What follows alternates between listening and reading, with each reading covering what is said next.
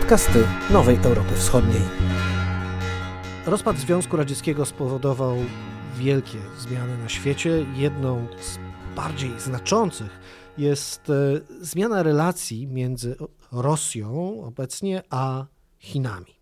Moimi gośćmi są pani Katarzyna Sarek, adiunktka Uniwersytetu Jagiellońskiego, Zakład Japonistyki i Sinologii. Dzień dobry. Dzień dobry. I Adam Balcer, dyrektor programowy Kolegium Europy Wschodniej. Dzień dobry. Czy uprawnione jest w tej chwili twierdzenie, że zmieniły się w sposób zasadniczo proporcje w relacjach między Rosją czy między Moskwą a Pekinem?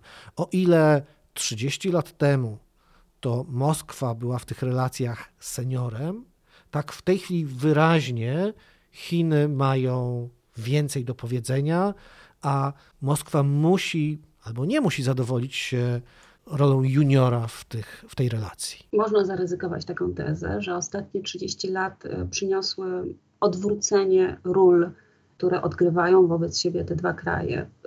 Podczas gdy tradycyjnie, tradycyjnie myśląc w zakresie ostatnich 100 lat, Rosja była państwem dominującym, które pod wieloma względami przewyższało e, Chiny i Chiny same uznawały wyższość Rosji i traktowały się jak star- e, to była relacja starszy brat, młodszy brat, młodszy brat, który uczy się ciągle od Rosji. To już wzięło się w latach, e, latach 20., kiedy pierwsi członkowie Komunistycznej Partii Chin jeździli do Moskwy na szkolenia, na nauki, w jaki sposób powinni budować komunizm w Chinach. Potem te relacje po 1949 roku były już takie ściśle podporządkowane. Specjaliści rosyjscy przyjeżdżali do Chin, pomagali odbudowywać kraj, transferowano technologię, budowano fabryki, kształcono chińskich studentów w Rosji, w Moskwie i Moskwa bardzo wspierała, wspierała rozwój Chin. To wszystko zaczęło się psuć po 1953 roku, kiedy umarł Stalin i rola Stalina zaczęła być podważana po, po, powoli w Rosji, co dla Mao Zedonga było czymś niedopuszczalnym i jakby stawiało też pod znakiem zapytania jego rolę, jego przywództwo w Chinach. Gdy w 1956 roku Chruszczow skrytykował Stalina, to już, to już właściwie był taki trochę kasus belli i Mao Zedong w tym momencie już był bardzo wrogo nastawiony do Rosji. Pełen rozma, rozłam nastąpił w 1960 roku. Od tej pory obydwa kraje traktowały się z dużą wrogością. Dochodziło nawet do konfliktów zbrojnych, jak na rzece Usuri w 1969 roku, kiedy wojska po prostu się starły o różne wysepki, które znajdowały się na tej rzece. I doprowadziło to do tego, że przez następne ponad 20 lat granica chińsko-rosyjska była jedną z najbardziej zmilitaryzowanych granic świata. Że obydwa kraje musiały bardzo dużo wojsk, sprzętu i uwagi poświęcać tej granicy. I była to no, nieotwarta wojna oczywiście, ale była to duża wrogość i duża nieufność. I zmiany zaczęły się tak naprawdę dopiero po 1991 roku, kiedy znaczy troszkę może wcześniej, po 1989 roku, kiedy Rosja i Chiny zaczęły tak powoli, powoli się tutaj sądować, czy dałoby się te relacje zmienić i trochę je jednak unormować i usprawnić, ale tak naprawdę zmiana taka duża, drastyczna nastąpiła dopiero po rozpadzie Związku Radzieckiego w 1991 roku, kiedy jakby zmieniło się zupełnie tutaj sytuacja w Azji, sytuacja na mapie i Chiny już tak naprawdę od tego momentu przestały Rosji się bać. Ta relacja może na początku jeszcze nie była równoprawna i rzeczywiście ta jakby dawna e, wyższość Rosji jeszcze przez pewien czas jakby siłą rozpędu funkcjonowała, ale Chiny były od tego momentu coraz bardziej śmiałe, coraz pewnej siebie, coraz bardziej asertywne i e, tak naprawdę kolejne daty graniczne, czyli 2008 rok, kryzys ekonomiczny, kiedy jakby nastąpiło wielkie przetasowanie na mapie ekonomicznej świata, czy potem 2014 rok, kiedy Rosja zajęła Krym i tak naprawdę skazała się na duży ostracyzm ze strony Europy Zachodniej i Stanów Zjednoczonych, to są te momenty, kiedy sprawiły, że ta Rosja z Chinami jakby odnajdywała coraz więcej wspólnych punktów i coraz więcej takich jakby podobieństw, które sprawiały, że może to nie jest małżeństwo z miłości, ale z rozsądku coraz bardziej tak. Więc te relacje przechodziły różne etapy i w tym momencie to, co się dzieje, czyli ta już praktycznie niekwestionowana nawet przez Rosjan wyższość Chin nad Rosją, to jest powrót do XVII wieku, kiedy, kiedy wszystko było tak jak trzeba, czyli państwo chińskie dominowało, a Rosja była no, takim niezobowiązującym wasalem, który co jakiś czas się podporządkował i przywoził jakieś dary na dwór cesarski. W tej chwili trudno sobie wyobrazić Władimira Putina, który jedzie z darami do Pekinu. Natomiast jakbyś mógł pokazać, jak głęboka jest ta dysproporcja między obu krajami. No, dysproporcja, jak spojrzymy na dane statystyczne, jest bardzo duża i to, co robi na pewno wielkie wrażenie, to bezprecedensowe tempo, w jakim nastąpiła ta zmiana. Jeszcze na początku lat 90., w momencie, kiedy rozpadał się e, Związek Radziecki, to e, ta Rosja, która powstała na jego gruzach, no, miała gospodarkę PKB mierzone parytetem siły nabywczej, e, no nawet bym powiedział znacząco większe niż Chiny. Dzisiaj to jest proporcja według tego kryterium parytetu siły nabywczej 1 do 6 na korzyść Chin. Jeśli uwzględnimy PKB nominalne mierzone prawda, dolarami, to wtedy się okaże się, że ta proporcja wynosi 10 do 1 na korzyść Chin. I w zeszłym roku myślę, że doszło do wydarzenia symbolicznego, bo można szacować, że może od, po raz pierwszy od 200 lat okazało się, że per capita czyli na głowę dochód narodowy, ten PKB nominalny chiński jest większy od rosyjskiego, czyli że Chiny stały się bogatsze od Rosji w tej kategorii. I to jest na pewno no, wydarzenie bardzo ważne, które pokazuje, że tu nie chodzi tylko już o to, że Chińczycy są znacznie więksi, bo zawsze można powiedzieć, no przecież e, też są dysproporcje pod względem liczby mieszkańców, ale że stają się bogatsi. I prognozy, i to nie chodzi o jakieś optymistyczne chińskie prognozy czy rosyjskie, ale na przykład międzynarodowe Międzynarodowego Funduszu Walutowego pokazują, że ta dysproporcja będzie rosła co najmniej w tym samym tempie co dotychczas, a może nawet y, szybciej. I to też się przekłada na relacje dwustronne w wymiarze ekonomicznym, bo dla Chin Rosja ma jakieś znaczenie tak, jako partner ekonomiczny, a dla Rosji Chiny stały się bardzo ważnym partnerem i to też się stało bardzo szybko, bo tak jak ta granica była bardzo zmilitaryzowana, ta wymiana handlowa była bardzo ograniczona, to dzisiaj udział Chin, który systematycznie rósł, wynosi w handlu rosyjskim blisko 20%. I Chiny stały się najważniejszym partnerem. Tak samo jak spojrzymy na inwestycje zagraniczne, to szacuje się, że razem z Hongkongiem te chińskie inwestycje to jest ponad 10%. Więc na pewno Chiny jako kraj stały się najważniejszym partnerem ekonomicznym Rosji. Nawet przegrywając w rywalizacji gospodarczej, Rosja nie jest krajem, który poddaje się bez walki zwłaszcza, że e, Rosjanie w sposób mistrzowski potrafią e, grać w skali globalnej, znajdując sobie nisze i znajdując miejsca, w których mogą z sukcesem konkurować z potencjalnie silniejszymi e, rywalami. Pani Katarzyna, gdyby miała Pani naszkicować mapę punktów rywalizacji między Rosją a Chinami, na co by Pani przede wszystkim zwracała uwagę? Myślę, że Azja Centralna jest takim regionem, który w przyszłości może okazać się problematyczny dla obecnej przyjaźni chińsko-rosyjskiej. Rosja od kilku lat jakby przyjęła takie założenie, że może gospodarczo, ekonomicznie nie jesteśmy w stanie zachowywać tyle, ile Chińczycy w Azji Centralnej, w naszej tradycyjnej strefie wpływów, ale wciąż jesteśmy gwarantem politycznym i też jakby tutaj dbamy o stronę wojskową, militarną. I było to mniej więcej uznawane przez Chińczyków, którzy wiedząc o tym, że jakby Rosjanie mają zupełnie inny sposób funkcjonowania na arenie międzynarodowej, tak jak Chińczycy raczej starają się ukrywać swoje możliwości i tak raczej nie wychylać głowy za bardzo, to Rosjanie robią wręcz odwrotnie i zazwyczaj jakby nadymają swoją ważność, swoją siłę i w ten sposób jakby prowadzą politykę trochę zagraniczną i również, również wewnętrzną. Więc jakby Chiny przez wiele lat tego nie kwestionowały i nawet jeśli inwestowały coraz więcej i stawały się coraz ważniejszym partnerem handlowym dla krajów Azji, Azji Centralnej, na przykład Turkmenistanu obecnie odpowiadają za chyba ponad 50% eksportu tego państwa, za pomocą właśnie ropociągu. Pobierają surowce z Azji Centralnej, ale kiedy Xi Jinping ogłosił nowy swój pomysł reaktywacji jedwabnego szlaku, który w dużej części przebiega przez kraje Azji Centralnej, Pekinowi zaczęło bardziej zależeć na tym, żeby te kraje były bardziej stabilne, bardziej przewidywalne i żeby te inwestycje nie były w przyszłości zagrożone.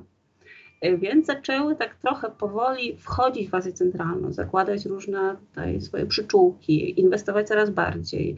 E, szanghajska Organizacja Wspólnocy, która rozszerzy, rozszerza się coraz bardziej, weszły w niej w 2017 Indie i Pakistan, które też powodują, że no tutaj pojawiają się pewne napięcia wewnątrz, wewnątrz tej organizacji. Są rozmowy z Turcją, z Iranem, żeby też to weszło. To był sojusz wojskowy, w którym Chiny też odgrywają bardzo ważną rolę. I tutaj jest takie powolne podminowanie tej pozycji Rosji, która do tej pory nie była kwestionowana. Moim zdaniem jest to teren, w którym Rosjanie jakby prestiżowo też nie bardzo mogą ustąpić, bo jest to tereny dawnego Związku Radzieckiego. Są to tereny, gdzie rosyjski jest wciąż lingua franca, choć powoli chiński tam zdobywa też swoje przyczółki i też powoli staje się coraz ważniejszym językiem. Pod względem prestiżowym, moim zdaniem, jest to teren, w którym Rosjanom będzie najtrudniej pogodzić się z tym, że tracą znaczenie. I jest to potencjalnie region, w którym może dojść, no nie mówię, że do konfliktu wojskowego, ale do jakichś tarć w tej przyjaźni i ochłodzenia pewnego stosunku. A jak wygląda rywalizacja albo współpraca na Syberii? Bo e, wielokrotnie podkreśla się zakusy chińskie wobec Syberii, złoża, których Chiny potencjalnie potrzebują. I to już nie mówimy o terenie byłego Związku Radzieckiego, tylko mówimy o Rosji proper. Myślę, że ta Syberia to stała się takim trochę czarnym ludem, którym też może same władze rosyjskie, jakby tak też ludność swoją trochę dyscyplinują, że przyjdą Chińczycy i was zajmą. To trochę odpowiada też mentalności rosyjskiej, że jeśli po jednej stronie mamy puste tereny bez ludzi. W całej Syberii mieszka około 30 milionów ludzi, a w sąsiadującej z nią prowincji Heilongjiang 38 milionów. Jest to prowincja słabo zaludniona jak na chińskie normy, więc Rosjanie myślą swoimi kategoriami. Z jednej strony mamy mnóstwo ludzi, którym brakuje ziemi i się duszą, z drugiej strony mamy puste tereny, gdzie ludzi praktycznie nie ma. Co za problem wprowadzić zielonych ludzików, zrobić referendum i przyłączyć według tego myślenia jakby Syberia tylko czeka na to, żeby paść, paść łupem e, Chińczyków, a Chińczycy jednak myślą nad tym trochę inaczej. Po co mają zajmować Syberię, skoro w tym momencie powstają granica jest jakby handlowo jest otwarta, powstają gazociągi. Wszystkie surowce, które potrzebują, Rosja bardzo chętnie sprzedaje, bo kurczą jej się inne rynki zbytu i te surowce może mieć i może właściwie dyktować ceny, bo cena i gazu i ropy spada i zawsze mogą e, kupić gaz skroplony z Australii i powiedzieć Rosjanom, my wcale nie potrzebujemy waszego gazu. Więc jakby oni wszystko to, czego potrzebują, dostają. Kilka dni temu widziałam informację, że Chińczycy mają wynająć kilka milionów hektarów ziemi na Syberii do uprawy po prostu sobie wynajmą. Oni nie muszą tego kupować, nie muszą tego pobijać. Obecnie na terenie Syberii, z tego co widziałam według statystyk, mieszka około 250 tysięcy Chińczyków na stałe. Naprawdę nie jest to dużo w skali tego kraju.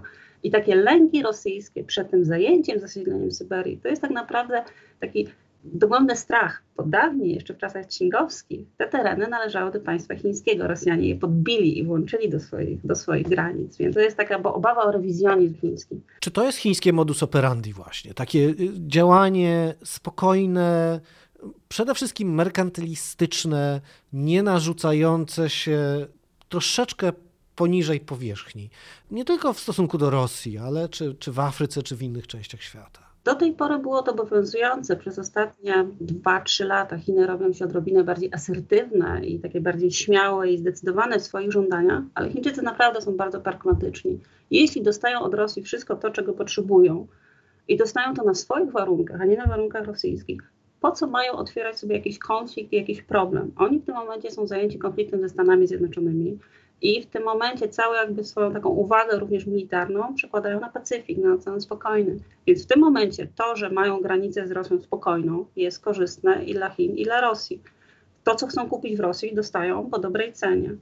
Syberia też nie, to nie są jakieś Hawaje, więc myślę, że też jakby ludzie tam się tak nie biegną dlatego, że tak świetnie się tam żyje, tylko dlatego, że tam są surowce, że, że tam można pozyskiwać drewno. To Chińczycy też bez problemów z Syberii pozyskują czasami legalnie, czasami mniej legalnie. Więc właściwie dla nich to nie, ma, nie miałoby większego uzasadnienia, żeby podbijać Syberię, wchłaniać, zabierać Rosji. To jest taki dawny, dawny strach przed żółtą zarazą, żółtą falą, która gdzieś tam w XIX wieku w Rosji funkcjonował i przebijał się też w mentalności społeczeństwa rosyjskiego od czasu do czasu, ale obserwując działania Chin, że one właśnie są takie spokojne, nieagresywne, nierewizjonistyczne, myślę, że społeczeństwo rosyjskie też po, zaczyna jakby tutaj podchodzić do tego spokojnie i te sentymenty antychińskie też trochę osłabiają w społeczeństwie rosyjskim. Skoro mówimy o dominującej czy rosnącej roli Chin i znacznie słabszej pozycji Rosji. Do tego teraz dołóżmy Stany Zjednoczone, które znajdują się w narastającym konflikcie z Pekinem. Czy jesteś w stanie sobie wyobrazić współpracę rosyjsko-amerykańską w relacjach z Chinami? Nie, bo tak jak pani Katarzyna wspomniała, to dla Chińczyków Stany stają się szczególnie właśnie na Oceanie Spokojnym, głównym rywalem i to jest też rozgrywka która ma wymiar globalny i w tym kontekście, jak spojrzymy na potencjalnych sojuszników Chin, no to okazuje się, że no przy wszystkich jakichś problemach rzeczywiście, które mogą nastąpić w Azji Centralnej, to takim krajem jest Rosja. I to nie jest e, przypadek, bo zaszedł bardzo podobny proces, że mamy bardzo wyraźne pogorszenie relacji między Rosją i Zachodem. Oczywiście Chiny są bardziej autorytarne, ale w obu krajach ten trend jest podobny. Dla Chin jest nawet korzystne to, że są bardziej stabilne, e, nie ma mowy na razie o jakimś nawalnym, tak jak w Rosji, a do tego mamy w obu krajach też wzrost nacjonalizmu, gdzie jest ewidentny ten element antyzachodni. I dla Rosji ten ocean spokojny no nie odgrywa jakiejś kluczowej roli. I tutaj okazuje się, że można też w miarę podzielić się jakimiś swoimi strefami wpływów. I w efekcie to nie jest przypadek, że do pandemii przez kilka lat Putin spotkał się z Xi Jinpingiem 30 razy i to w, i w formacie bilateralnym i takie spotkania dłuższe podczas jakichś szczytów międzynarodowych na ich marginesie. To jest bardzo dużo i oba urzędy prezydenckie ustanowiły taką formę regularnych politycznych konsultacji, gdzie starają się koordynować swoją politykę zagraniczną i znowu no, Chiny nie stworzyły takiego mechanizmu z żadnym innym państwem, tylko z Rosją. Natomiast oczywiście no, mamy do czynienia z Rosją, która ma aspiracje do bycia ważnym graczem w skali globalnej, ale na pewno nie ma tego potencjału i ten potencjał się kurczy, a nie rośnie. A w przypadku Chin mamy odwrotną sytuację i efekt jest taki, że oprócz tego, że Chiny rzeczywiście bardzo się umocniły w wymiarze ekonomicznym w Azji Centralnej, gdzie stały się na przykład, jeśli chodzi o handel, najważniejszym partnerem dla regionu, to od kilku lat ewidentnie wchodzą też na dużą skalę w basen Morza Czarnego. I też jak spojrzymy na Ukrainę, to e, w zeszłym roku Chiny stały się najważniejszym partnerem handlowym Ukrainy. Zdecydowanie wzrósł handel też na zasadzie, że Chińczycy mogą sobie pozwolić na otwarcie rynku na towary ukraińskie i w efekcie prawie 15% handlu ukraińskiego jest z Chinami. To jest dwa razy więcej, e, prawie dwa razy więcej niż z Rosją. I jak spojrzymy na inne kraje regionu, Gruzję, Azerbejdżan, Mołdawię, oczywiście one z perspektywy Chin mają minimalne znaczenie, tak? No, ale jak dla tych krajów okazuje się, że Chiny stają się jednym z ważniejszych partnerów handlowych. To następuje równolegle z, tymi, z tą rosnącą asymetrycznymi powiązaniami w różnych wymiarach między samymi Chinami i Rosją, bilateralnymi.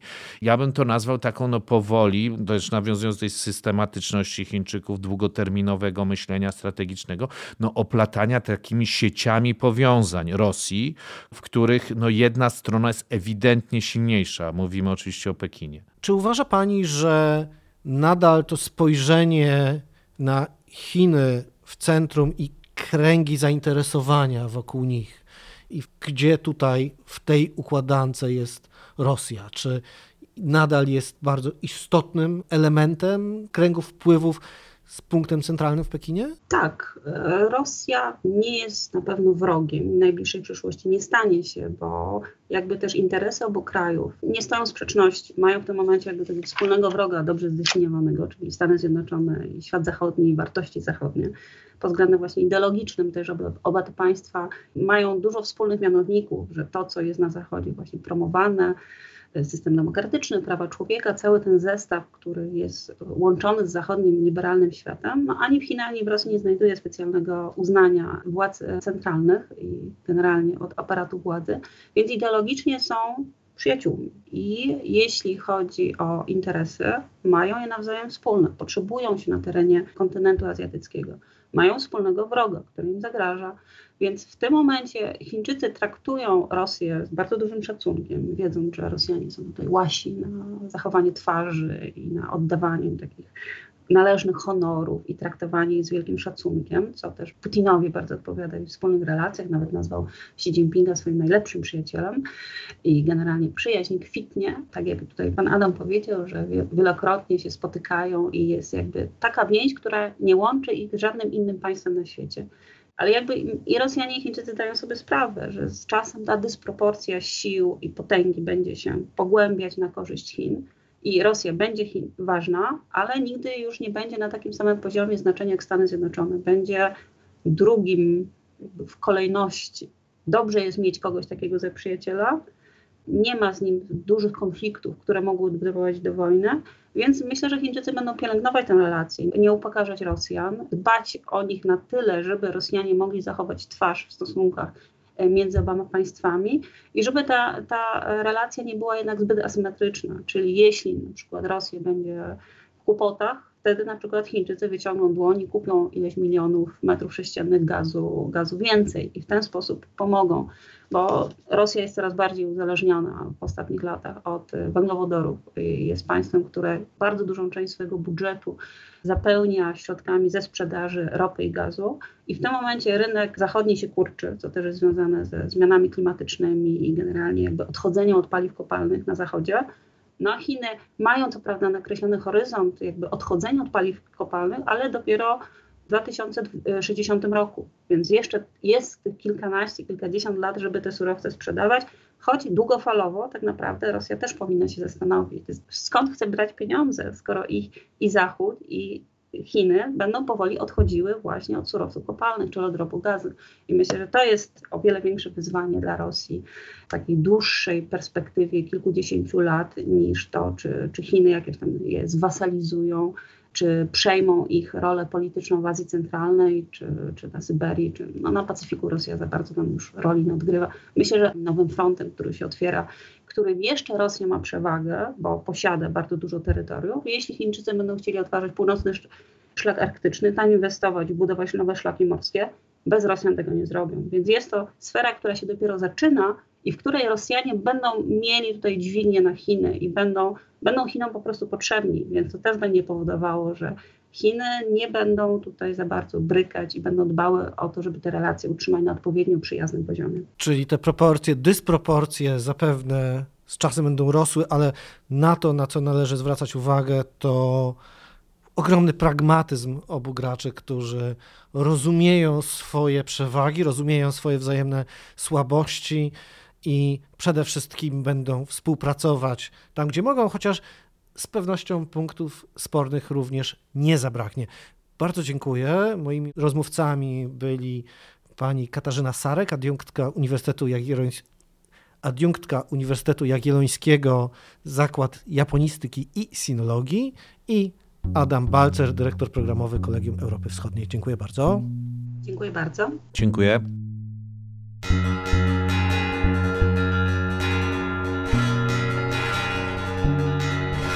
Podcast zrealizowany przez Free Range Productions.